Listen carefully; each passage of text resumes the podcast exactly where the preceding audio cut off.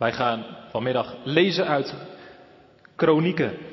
2 Kronieken 18, de versen 1 tot en met 34. Dat is het hele hoofdstuk. 2 Kronieken 18, vers 1 tot en met 34. De kerntekst van dit hoofdstuk is naar mijn idee vers 13. Maar we gaan eh, in de preek ook zien wat eraan vooraf gaat en wat erop volgt. Dus eigenlijk nemen we het hele hoofdstuk door. 2 Kronieken 18, het hele hoofdstuk. Jozefat had rijkdom en eer in overvloed. En hij ging huwelijksbanden aan met Agab.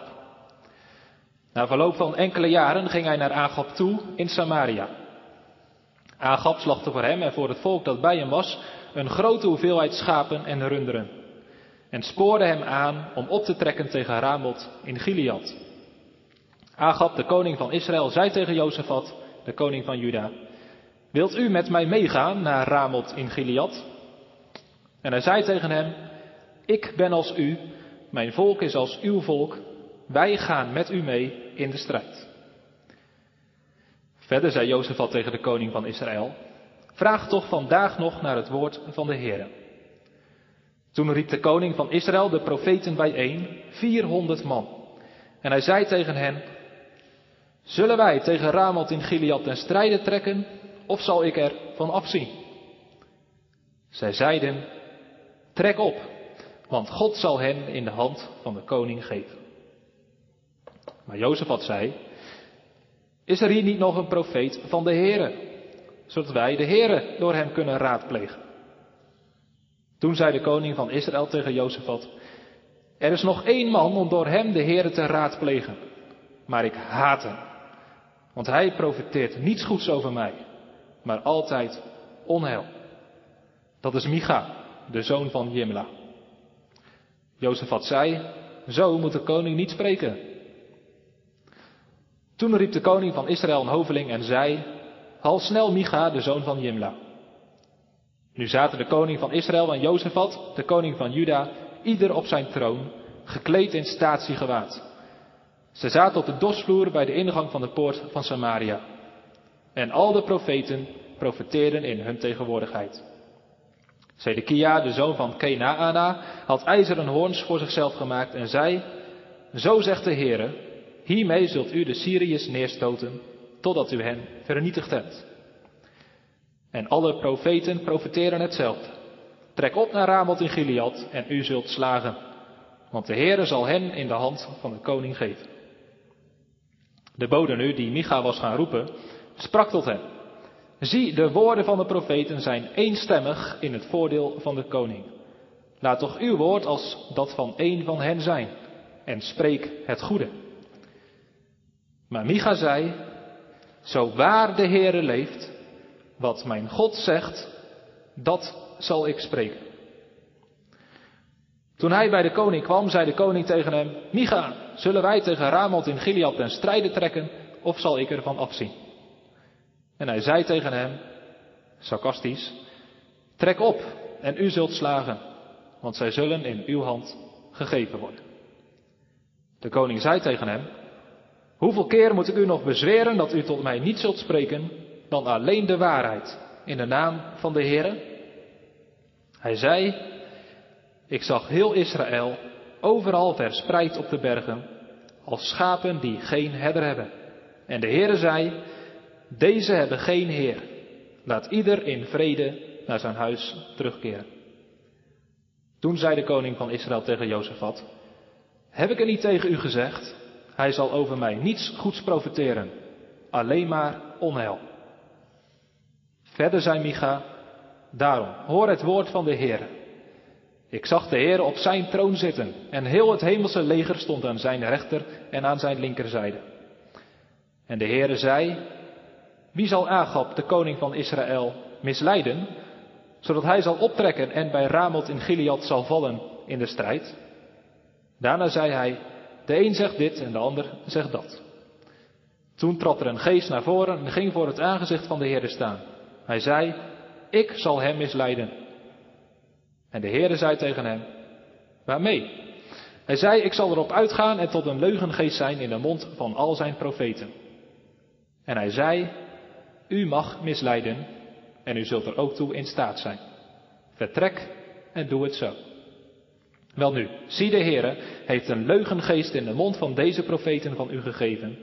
En de Heere heeft onheil over u uitgesproken.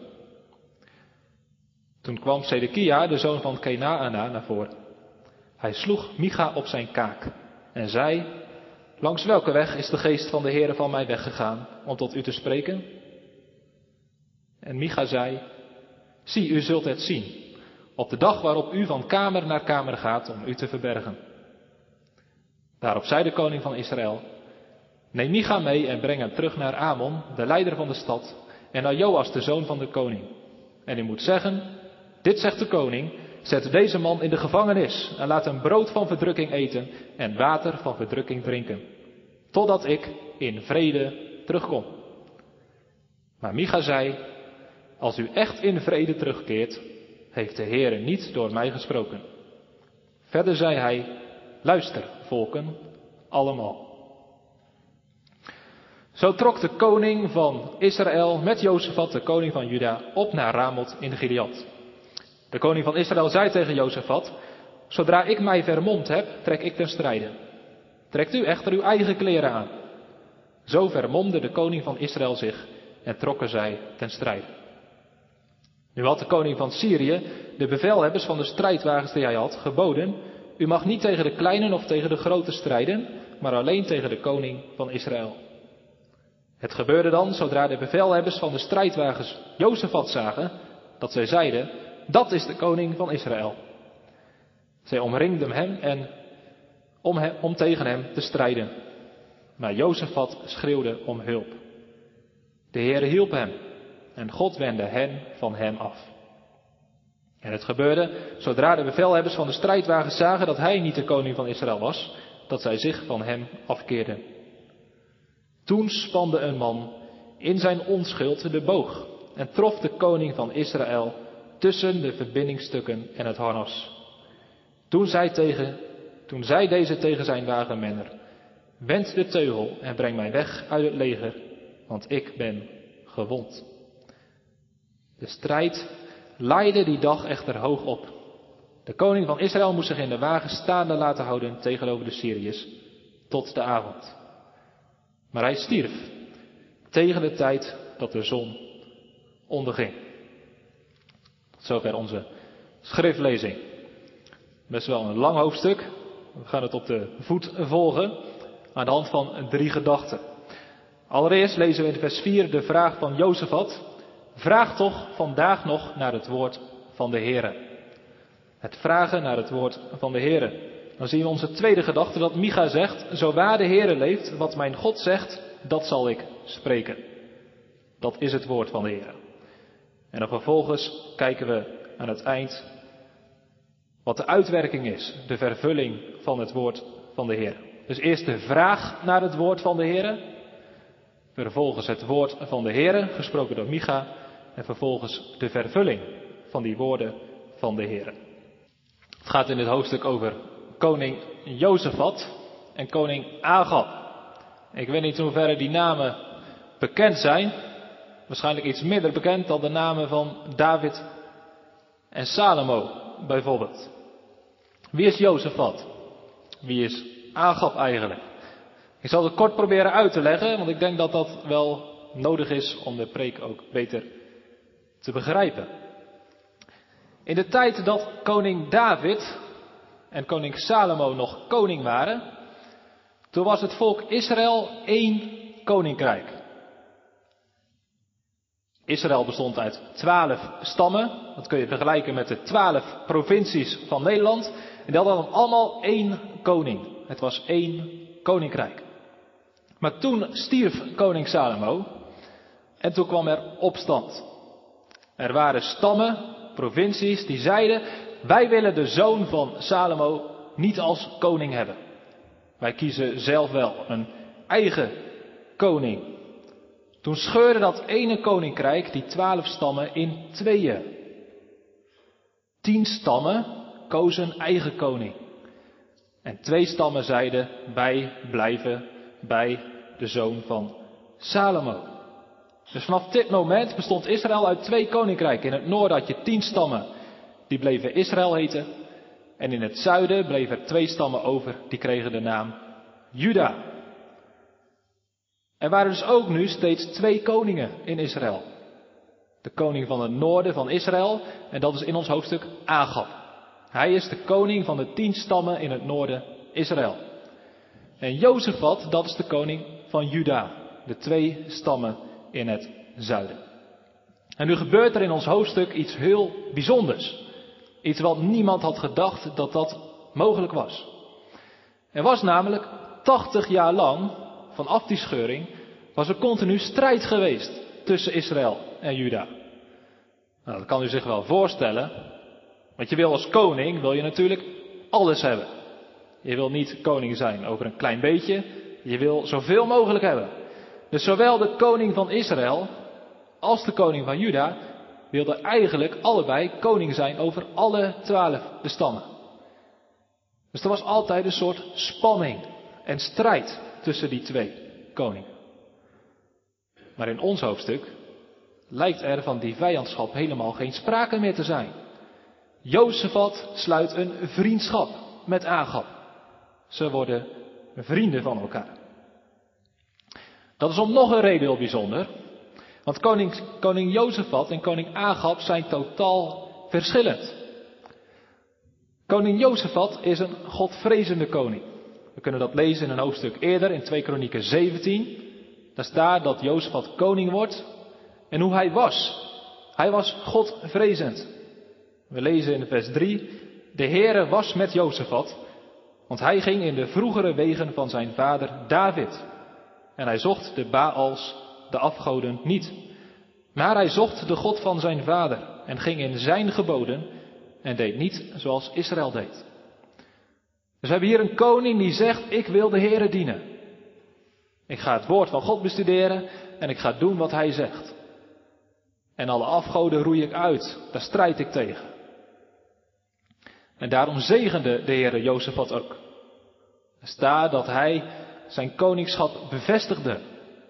Er staat ook in hoofdstuk 17 dat hij daardoor rijkdom en eer in overvloed had. Dat vinden we ook in vers 1 van hoofdstuk 18. De eerste zin. Jozefat had eer en rijkdom in overvloed. Dat was de zegen van de Heere. Omdat hij de Heere zocht en in zijn geboden ging. Maar Agab, de koning van Israël, is een heel ander verhaal. Agab is absoluut niet godvrezend. Hij is de meest goddeloze koning die Israël ooit heeft gehad. Dat lezen we in 1 Koningen 16. Agab, de zoon van Omri, deed wat slecht was in de ogen van de Heere, meer dan allen die er voor hem geweest waren. Hij richtte voor de Baal een altaar op in het huis van de Baal dat hij in Samaria gebouwd had. Ook maakte Agab een gewijde pal, ook iets voor de afgoden, zodat Agab nog meer deed om de Heere, de God van Israël, tot toren te verwekken. Meer dan alle koningen van Israël die er voor hem geweest waren. Agab, de meest goddeloze koning die Israël ooit heeft gehad. En Jozef had een godvrezende koning. En in ons hoofdstuk sluiten zij vriendschap met elkaar. Dat is dus echt bijzonder, vreemd. Het gaat zelfs zover dat Jozefat zegt, ik heb een zoon, Joram, en Agab, jij hebt een mooie dochter, Atalia, kunnen die niet met elkaar trouwen? Dat is de tweede regel van hoofdstuk 18, vers 1. Hij ging huwelijksbanden aan met Agab. Dit is echt heel dom. Dit is ontzettend dwaas. Hij had rijkdom en eer in overvloed. Maar aan wijsheid ontbrak het hem blijkbaar behoorlijk. De rest van de geschiedenis maakt dat ook duidelijk. Dit was funest voor Juda. Die huwelijksbanden met Atalia. Ja, daar kan we toepassing op maken. Ik ga er niet uitgebreid op in. Maar wie maken wij tot onze vrienden? Wie zijn onze vrienden? Zijn dat mensen die de Heer lief hebben en willen dienen? Of hebben we vrienden die de Heer haten, zoals Agap? Niks van godsdienst willen hebben, er zelfs tegen vechten. Vrienden zijn heel belangrijk. Die beïnvloeden je. En in het geval van Jozefat zie je dat als je slechte vrienden hebt, die de Heeren niet willen dienen, dat die een negatieve invloed op je kunnen hebben. Nou, in vers 2 lezen we dat ze die vriendschap wat vormen gaan geven. Dan ga je bij elkaar op bezoek. Dan breng je tijd samen door. En Jozefat die gaat naar het noorden, naar Samaria, waar koning Agab woont. En ze gaan een flinke maaltijd vieren. Nou, als je koning bent, dan heb je geld zat. Dan kun je alles doen wat je wil. Dus we kunnen ons voorstellen, er worden heel veel schapen en runderen geslacht. Lekkere maaltijden gemaakt. Prachtig. Schitterend. Alles is perfect voor elkaar. En tijdens die maaltijd, waar ze heerlijk zitten te smullen, dan zegt Agab, moet je luisteren Jozefat. Je weet wie de koning van Syrië is, dat is Benadad. Een tijdje geleden heb ik met hem gevochten. En ik won, ik heb hem verslagen. De koning Benadad werd gevangen genomen, hij stond voor me. En toen had ik de keuze om hem te doden. Maar Benadad die zei toen tegen mij, laten we een verbond sluiten. Laten we een akkoordje maken. Weet je, mijn vader heeft vroeger heel veel steden van jouw vader veroverd in Israël. Die heb ik nog steeds in bezit. Je krijgt al die steden terug. Ah, zegt Dagal, dat vind ik een goed plan. Jij geeft mij die steden weer terug en dan laat ik jou in leven. Tot ziens. Maar, zegt hij, die Benadad heeft zijn woord niet gehouden. Hij heeft die steden nooit teruggegeven. Ik ga die steden veroveren. En we beginnen bij Ramoth in Gilead. Ga jij mee om met mij te vechten? Ja, daar moet Jozef wat even over nadenken. Ja, als je echte vrienden bent, dan help je elkaar toch? Echte vrienden steunen elkaar. Hij kan het eigenlijk niet maken om nee te zeggen. Weet je, zegt hij, ik ga mee. Ik ben voor jou en mijn volk staat voor je klaar. Wij gaan met jou mee de strijd in. Nou, nu had het gekund op dit moment dat ze waren gegaan. Dat het hoofdstuk verder was gegaan en ze maakten zich allebei klaar en ze gingen vechten. Dan was dit hoofdstuk niet zo lang geweest. Maar er staat iets anders. Blijkbaar aarzelt Jozefat nog een beetje. Twijfelt hij of het wel zo verstandig is om mee te gaan. Dus hij zegt in vers 4, vraag toch vandaag nog naar het woord van de Heer. Opeens bedenkt Jozefat, zou God het eigenlijk ook wel een goed idee vinden? En als we gaan, zou God ons dan wel willen helpen? Misschien denkt Jozefat wel aan zijn voorvader, koning David. David was echt een man van de oorlog. En we lezen heel vaak dat David, voordat hij ging vechten, eerst de Heere vroeg, mag ik optrekken? Is het goed dat ik ga vechten? En pas als de Heere dan zei, het is goed, ik ga met je mee, dan ging David op pad. Nou, Jozefat wil dat ook weten. Als we gaan, gaan we dan ook de overwinning behalen? Of niet? Begrijpt u die vraag? Je hebt van die momenten in je leven dat je belangrijke beslissingen moet nemen. Dat je keuzes moet maken waar veel op het spel staat. En dat je aanvoelt, dit is zo'n belangrijke beslissing, ik durf die bijna niet voor eigen rekening te nemen. Ik zou wel willen weten wat de wil van God is. Als je jongere bent, dan kun je dat hebben met een relatie. Met wie moet ik trouwen? Er lopen zoveel leuke jongens en zoveel mooie meiden in de wereld. Wie moet ik hebben? Wat is de wil van God? Of je moet kiezen voor een baan, een studie. Als je ouder wordt, misschien de plek waar je gaat wonen, welke gemeente je bij wil horen. Er zijn zoveel belangrijke beslissingen die je moet nemen in je leven. Dat je denkt, wat is nou de wil van God? Nou, ik denk dat Jozefat dat ook voelde. Hier hangt zoveel aan vast. Als ik daadwerkelijk mee ga strijden, dat kan mijn leven kosten. Is dit de wil van God? Vraag toch vandaag naar het woord van de Heer. Dat is onze eerste gedachte. Nu zou ik natuurlijk de rest van de preek daarop in kunnen gaan. Van hoe moeten wij zoeken naar de wil van God? En dat is een preek waard. Alleen dat gaan we niet doen, want ik denk dat dit hoofdstuk daar niet voor bedoeld is. Dit hoofdstuk is niet geschreven om ons te leren hoe wij de wil van God kunnen ontdekken als we een moeilijke keus moeten maken. Dit hoofdstuk is niet bedoeld als een voorbeeld dat wij op dezelfde manier als Jozefat en Agab gaan zoeken naar de wil van de Heer. Zij gingen namelijk profeten raadplegen. En dat is een unieke situatie. Een unieke situatie waarin zij het woord van de Heer konden ontdekken door te luisteren naar die profeten. Maar dat is voor ons vandaag de dag niet zo. Er staat nergens in het Nieuwe Testament dat als je een christen bent, als je in Jezus gelooft en je moet een belangrijke keus maken en je wil de wil van God weten, er staat nergens in het Nieuwe Testament, ga op zoek naar een paar profeten of mensen die profetische gaven hebben en vraag hun wat de wil van God is. Dat is niet de bedoeling van dit hoofdstuk. Wat is wel de bedoeling van dit hoofdstuk? Ik denk dat dit hoofdstuk is geschreven om duidelijk te maken wat het verschil is tussen ware profetie en valse profetie. Wat het verschil is tussen valse profeten en ware profeten. In dit hoofdstuk is daar een strijd tussen. En wat daaruit volgt is hoe wij met mensen moeten omgaan die het woord van God brengen. Brengen ze het woord van God of vervalsen ze het? Want op als antwoord op die vraag van Jozefat, vraag toch naar het woord van de Heer, roept Agab zijn profeten bij elkaar. Agab zegt, geen probleem, ik heb genoeg profeten. Overvloed, 400. Ja, het zijn geen profeten van de Heer, want die profeten van de Heer die had ik wel, maar goed, die spraken altijd negatieve dingen over mij, die waren altijd veroordelend, altijd zo kritisch, die heb ik vermoord. Maar ik heb nieuwe profeten en die bevallen me goed.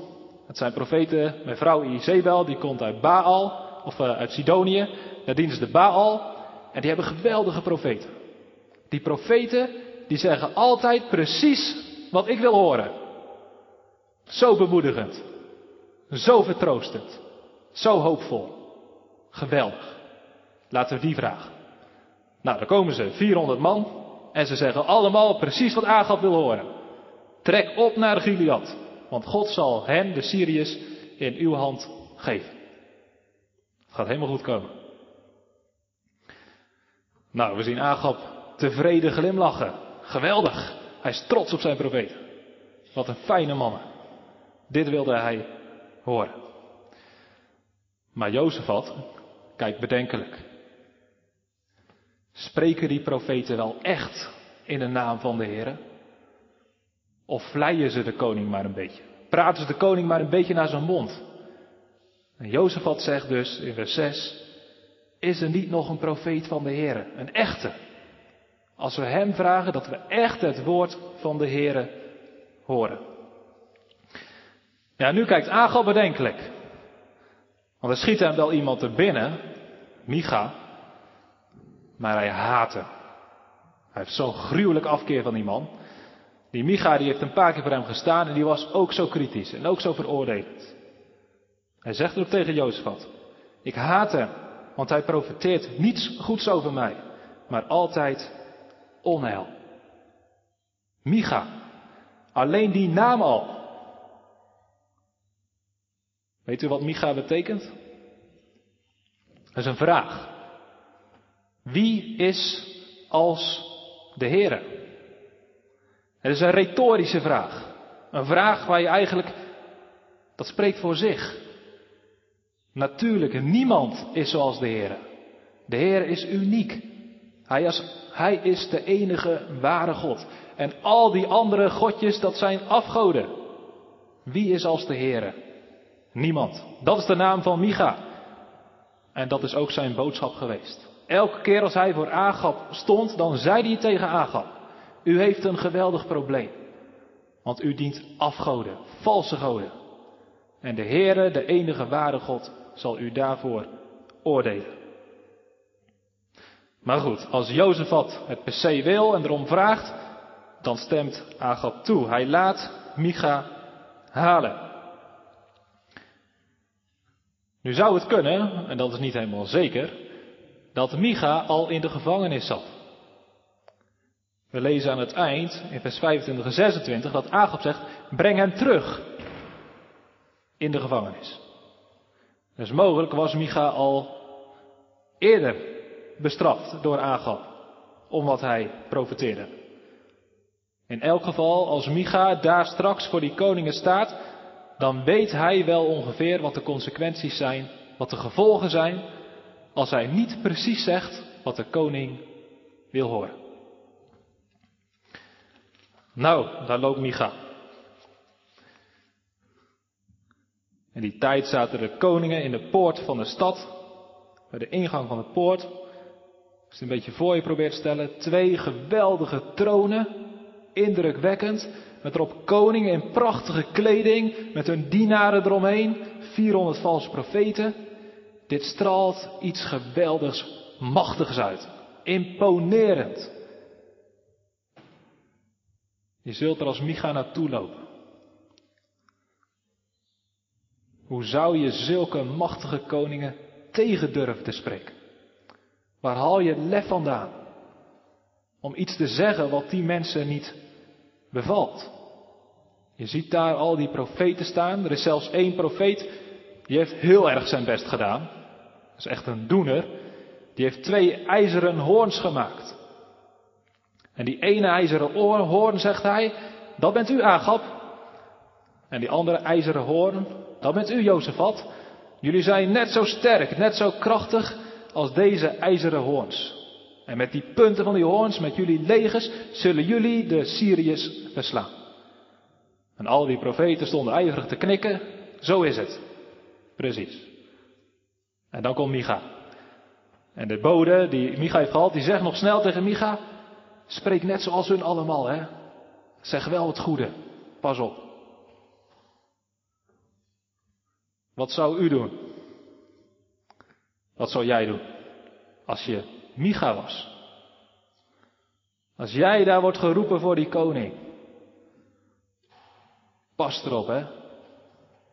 Praat hem wel naar de mond. Want anders weet je de consequenties. Hebben lef niet om iets verkeerds te zeggen. Hoe groot is die druk? Hoe groot is die verleiding van Micha om zo te spreken als al die andere valse profeten? Maar, zegt vers 13, dat is een verrassing. Dit is niet logisch, maar onverwachts.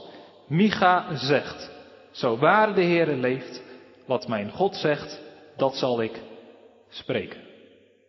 Hier staat een ware profeet van de Heer. Die zegt, wat het me ook mag kosten, ik zal spreken wat mijn God zegt dat ik spreken moet. Iemand die niet zegt, ik vind, ik denk, en vervolgens precies zegt wat alle mensen willen horen. Dat is kenmerkend voor valse profeten. Die weten precies wat ze wel of niet moeten zeggen om alle mensen te pleasen. Die weten precies hoe ze moeten praten om populair te zijn. Dat iedereen in een andere klap zegt, kijk, dit zijn geweldige profeten. Het is zo fijn om naar hen te luisteren. Ze keuren niks af, ze respecteren iedereen, ze zijn niet zo kritisch, niet zo veroordelend. Dit zijn echte, heerlijke mensen om naar te luisteren. Jezus zegt daarover, wee u wanneer alle mensen goed van u spreken. Want hun vaderen deden evenzo met de valse profeten. Maar Micha is zo niet. Micha is een ware profeet van de Heer.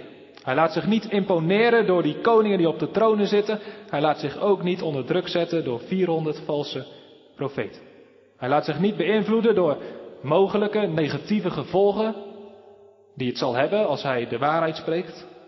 Nee, hij blijft trouw aan zijn God. Wat God zegt, dat zal ik spreken. Misschien moet u hier ook bij denken aan Luther. Het is net 31 eh, oktober geweest, de Reformatie. Luther, die heeft zo'n moment gehad. Hij had die stellingen natuurlijk op die eh, deur gespijkerd.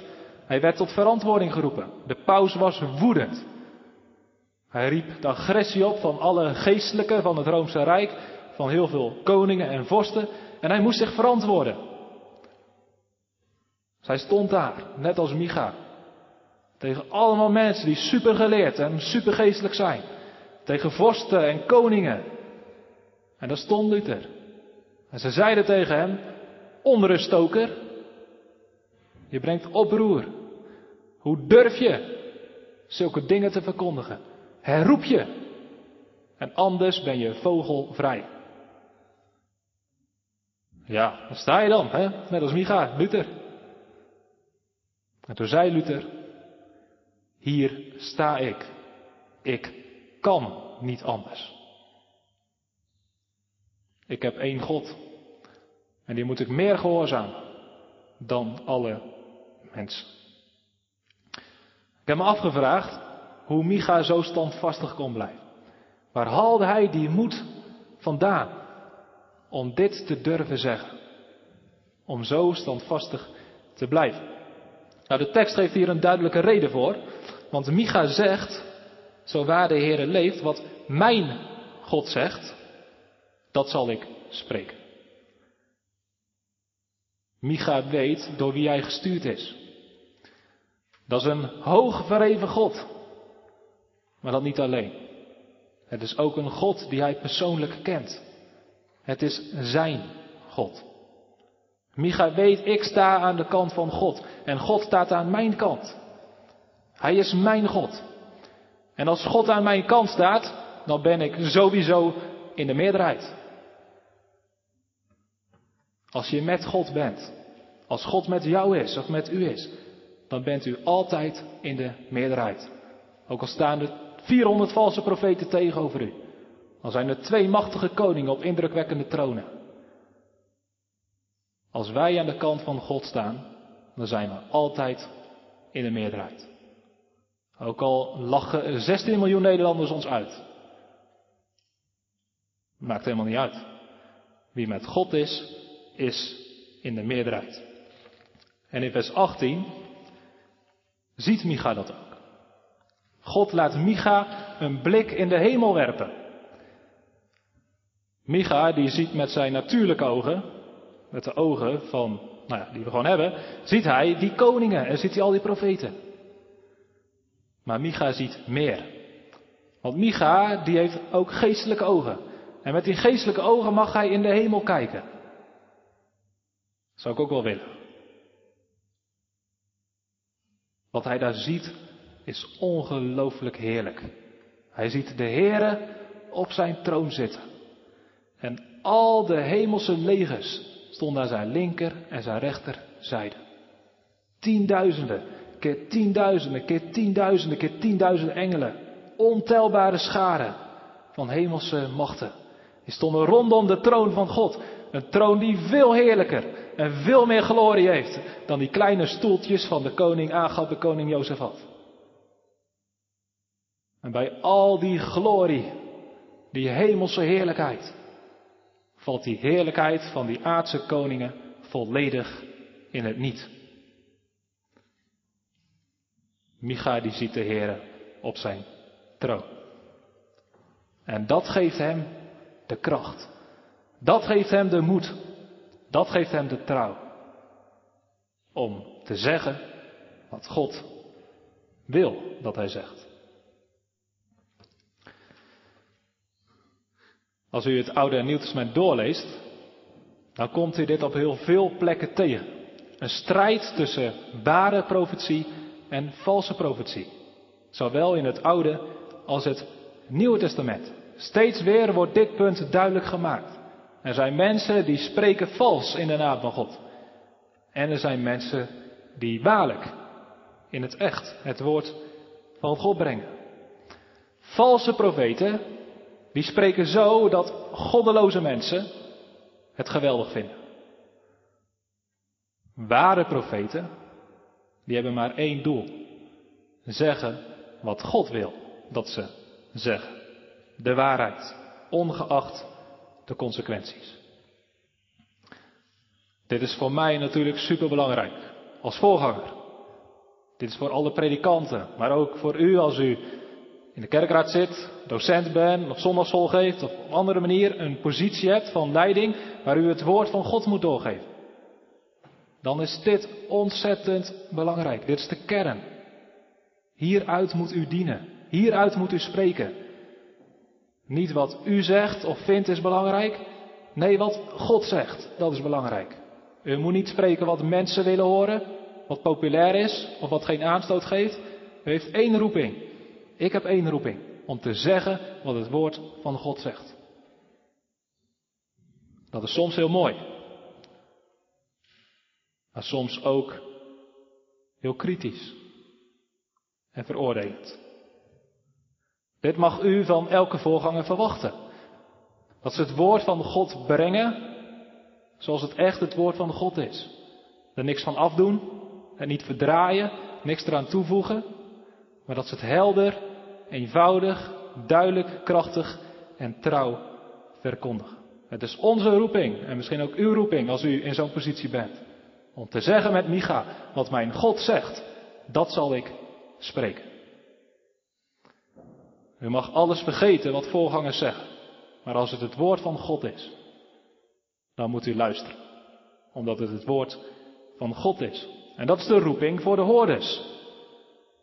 We zien Agap een negatief voorbeeld. Dat gaan we straks zien. Iemand die het woord verwerpt. Maar wij moeten een hart hebben wat ontvankelijk is voor het woord van God. We moeten een houding hebben dat we altijd bereid zijn om het woord van God te gehoorzamen. Te geloven. In Exodus 19 vers 3, of Exodus 19 vers 6, staat daar een mooie tekst voor. Dat is het moment dat de wet bijna wordt gegeven. En voordat God de tien geboden in Exodus 20 geeft, openbaart hij zijn heerlijkheid. En dat is indrukwekkend geweest. Dat mensen zo onder de indruk waren van Gods majesteit dat ze bijna zeiden, we gaan sterven, dit kunnen we niet handelen. Dit is te overweldigend. En toen zeiden ze, toen ze zo onder de indruk waren van Gods heerlijkheid, alles wat de Heer gesproken heeft, zullen wij doen. Is dat uw hart? Zit u zo in de kerk? Leest u zo de Bijbel? Alles wat de Heer spreekt, dat zullen we doen. Agap denkt daar anders over. Want op het moment dat Agap de waarheid, of dat Micha de waarheid vertelt, het woord van God doorgeeft, dan wordt Agap woedend. Micha zegt namelijk volgens vers 16 dat Agap gaat sneuvelen in de strijd. Dat als hij gaat vechten, dan komt hij om. Het volk Israël zal hun koning kwijtraken. Ik zal het voorlezen wat Micha zegt in vers 16. Ik zag heel Israël overal verspreid op de bergen, als schapen die geen herder hebben. En de Heere zei, deze hebben geen heer. Laat ieder in vrede naar zijn huis terugkeren. En Agap die begrijpt gelijk wat Micha wil zeggen. Hij heeft gelijk door. Dit betekent, ik ben die herder. En mijn schapen zijn mijn koninkrijk. En ze zullen straks geen heer hebben. Ik zal sneuvelen in de strijd. Zie je wel, zegt het tegen Jozefat, heb ik het je niet gezegd? Die man die profiteert nooit iets goeds over mij. Altijd maar onheil.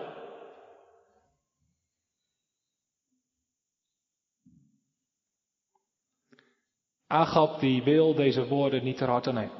Hij wil de waarheid niet horen. Hij verwerpt de waarheid. Hij verzet zich er tegen. En hij kiest voor de leugen.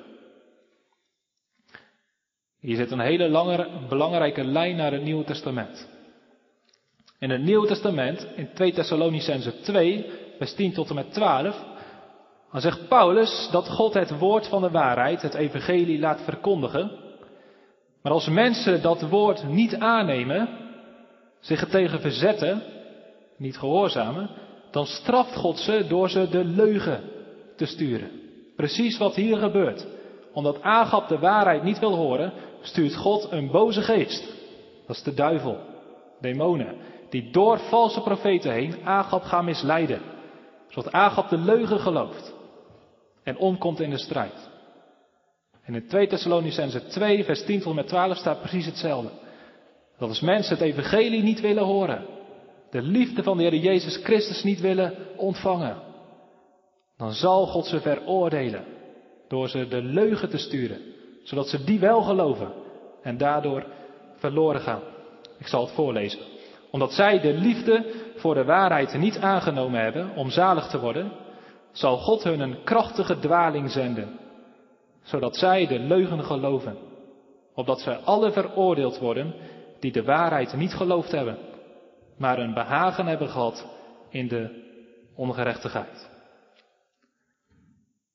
Het is levensgevaarlijk om het woord van God te horen, om de waarheid te kennen, maar het niet te geloven, het niet te gehoorzamen, maar het te verwerpen. Daar komt het oordeel van God over. En dat zien we heel duidelijk bij Agab. Hij probeert door zijn profeten de mond van Micha te snoeren. Er is zelfs een profeet die slaat Micha op zijn kaak. Bam. Hou je mond. Hoe durf je het om tegen ons als 400 profeten in te gaan? Hij slaat hem op zijn kaak. En vervolgens zegt Agab, breng hem terug naar de gevangenis. Laat hem brood van verdrukking, een water van verdrukking drinken, totdat ik terugkom in vrede. Met andere woorden, Agab zegt, ik ga gewoon vechten. En ik zal ervoor zorgen dat ik het overleef. Ik kom straks in vrede terug. En Micha, dat moet pijnlijk zijn. Hij heeft de koning gewaarschuwd. Maar de koning slaat de waarschuwing in de wind en hij straft hem voor zijn eerlijkheid en waarheid. Zou Micha spijt hebben gekregen? Zou Micha hebben gezegd, oeh, dat had ik toch iets tactischer aan moeten pakken? Zou hij zeggen twijfelen? Straks heb ik me vergist. Hij zegt in vers 27 tegen Agab, als u echt in vrede terugkeert, heeft de Heer niet door mij gesproken. Ik denk niet dat daar twijfel in zit. Maar Micha, die weet wat er in Deuteronomium 18 staat. In Deuteronomium 18 heeft God duidelijk gemaakt aan het volk Israël hoe ze een ware profeet kunnen onderscheiden van een valse profeet. In vers 21 wordt dan de vraag gesteld, maar hoe zullen wij dan weten dat iemand een valse profeet is? En dan is het antwoord, wanneer een profeet in de naam van de Heere spreekt en het gebeurt niet en het komt niet uit, dan is dat een woord dat de Heer niet gesproken heeft. In overmoed heeft die profeet dat gesproken, wees niet bevreesd voor hem. Nou, dat is wat Micha zegt. Agab, als u terugkeert uit de strijd, u sneuvelt niet zoals ik heb geprofiteerd, ja, dan ben ik, heb ik niet de woorden van de Heer gesproken. Maar Micha, die weet echt wel dat hij wel de woorden van de Heer heeft gesproken. En de rest van dit hoofdstuk, vanaf vers 28, maakt het ook duidelijk dat Micha een ware profeet is van de Heer. Agab en Jozefat gaan toch vechten. En Agab zegt, ja, we hebben natuurlijk die uh, profetie, maar ik moet proberen te zorgen dat het er niet uitkomt. Ik ga me vermommen. Ik ga me omkleden, zodat ik eruit zie als een gewone soldaat.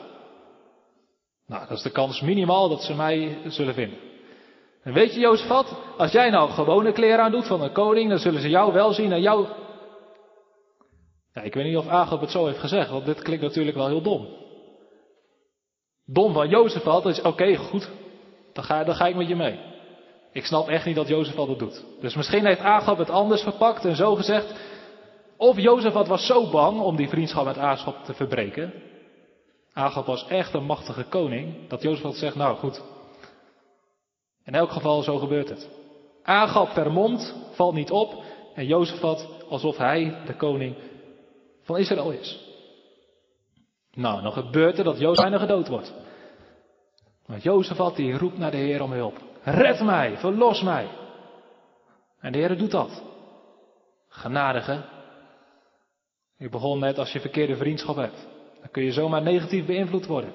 Diep in de problemen komen daardoor. Ver van God af geraakt worden. Dan kun je. En die pijl die komt precies op de enige plek waar Agap onbeschermd is, tussen de verbindingstukken van zijn harnas. Die pijl wordt door God bestuurd en treft Agap dodelijk. Vervuld. Maar ook dat al zijn oordelen worden vervuld. Ik wil nog één sprong maken. Dit is 853 voor Christus, dit hoofdstuk. We gaan bijna 900 jaar verder. Toen kwam de ware profeet. Met een hoofdletter. Deze profeet die zag ook het volk Israël als schapen die geen herder hebben. Jezus citeerde deze tekst. Jezus werd ook verworpen, omdat hij de waarheid sprak. Ook de leiders van Israël, de geestelijke leiders, verzetten zich tegen de woorden van Jezus. En Jezus eindigde niet alleen in de gevangenis, hij eindigde aan het kruis in de dak. Was Jezus een ware of een valse profeet? Was Jezus werkelijk Gods zoon? Of was Jezus een leugenaar? Na drie dagen wekte de Vader Jezus Christus op uit de dood. Als een bewijs dat Jezus waarlijk de Zoon van God is. Als bewijs dat Jezus een ware profeet is. En alles wat hij zegt is waarheid. En de hoofdboodschap van Jezus is deze. Wie in de Zoon gelooft, die heeft het leven. Maar wie de Zoon ongehoorzaam is, zal het leven niet zien. Maar de toorn van God blijft op hem. Als u in Jezus gelooft, als u op Hem vertrouwt, dan heeft u het eeuwige leven. Hoeft er niet aan te twijfelen.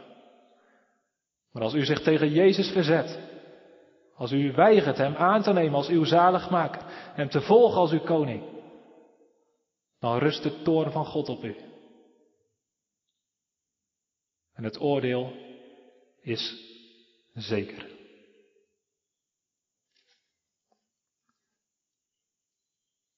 Wij moeten alles toetsen aan het woord, ook deze laatste zinnen. Heel deze preek. Alles wat u hoort. Is dit naar het woord van God? Is dit een overeenstemming met de Bijbel? Als dat er niet zo is, verwerp het. Bestrijd het. Maar als het naar het woord van God is, geloof het. Gehoorzaam het. Leef ernaar. Amen.